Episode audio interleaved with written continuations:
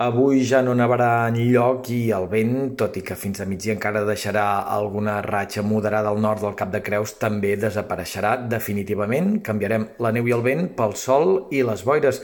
Domini anticiclònic es mantindrà avui i durant tota la setmana vinent. Avui en bancs de boira la Catalunya Central, Pla de Lleida, que es desfaran pels vols de migdia i que faran que la segona meitat del dia sigui assolellada al conjunt del país, potser amb alguns intervals de núvols prims que arribaran cap al Tar per ponent.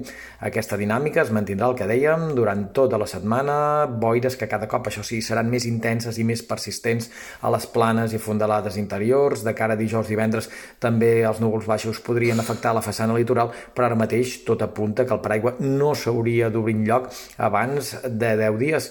I pel que fa a les temperatures, tindrem alguns altibaixos.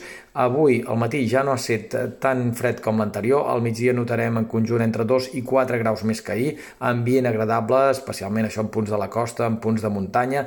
Demà i dimarts les temperatures encara podrien guanyar un parell de graus més i sembla que a partir de mitjans de setmana les temperatures es normalitzarien, però tampoc esperem cap nova fredurada abans de la vigília de Nadal, per tant, venen uns dies de tranquil·litat atmosfèrica.